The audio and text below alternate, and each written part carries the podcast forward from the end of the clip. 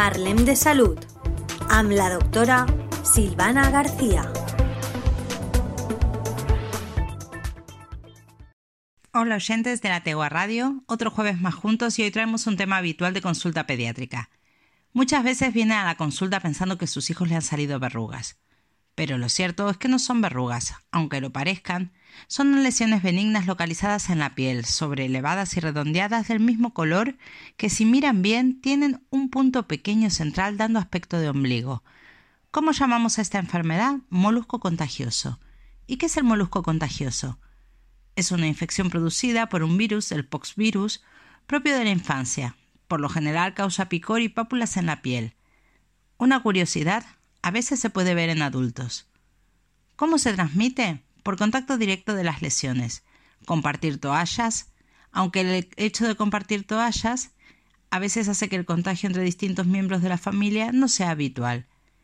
Puede ser más frecuente en niños con dermatitis atópica, ya que la barrera cutánea de estos niños está alterado y hace que sean más propensos a que distintos gérmenes como virus o bacterias puedan penetrar por algunas de esas fisuritas de la piel o por las lesiones de rascado y así infectarse.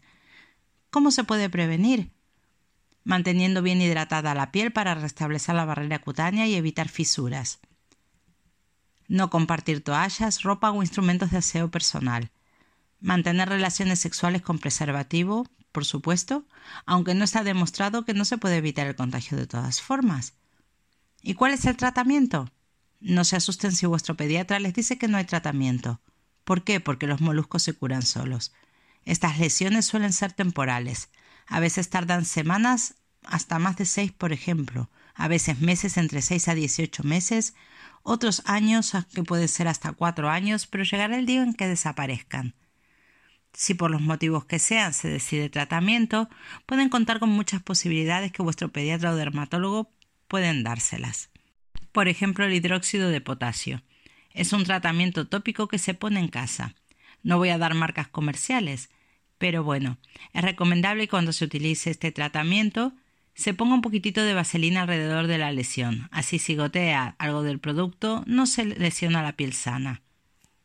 Luego de aplicar la vaselina, se aplicará el producto con un pincelito. Se hará todos los días hasta que el molusco se ponga rojo. En ese momento se deja de aplicar, se hace una costra y se cae y molusco curado. Otra posibilidad es el curetaje con las pinzas. Habitualmente los dermatólogos con un utensilio parecido a una cucharita diminuta cortante o bien con unas pinzas retiran el molusco. Es una técnica molesta un poco, por lo que se recomienda poner una crema anestésica un poquitito antes para aliviar el dolor. Al quitarlo sangran y esto a veces impresiona a los padres. También se puede utilizar la crioterapia con nitrógeno líquido el dermatólogo o en cirugía menor, el curetaje también se hace en cirugía menor, el dermatólogo o el, médico que esté encargado de, de, esta terapia aplicará el nitrógeno líquido y este congelará la lesión y el virus morirá. Tras varios días el molusco se desprenderá. Es una técnica dolorosa por lo que también se recomienda la crema anestésica previa. Con cualquiera de las tres técnicas pueden quedar pequeñas lesiones en la piel, que a veces desaparecen pero a veces no, entonces, aun quitándolos, también no se puede garantizar al 100% que no vuelvan a salir. Por lo tanto, tanto si el profesional decide tratar como si se decide no tratar, ambas opciones serían correctas.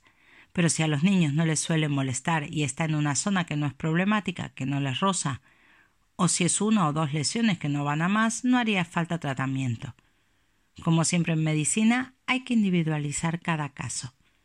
Espero que les haya gustado. Gracias por estar y compartir. Los saluda Silvana. Hasta el próximo jueves. Parlem de Salud amb la doctora Silvana García.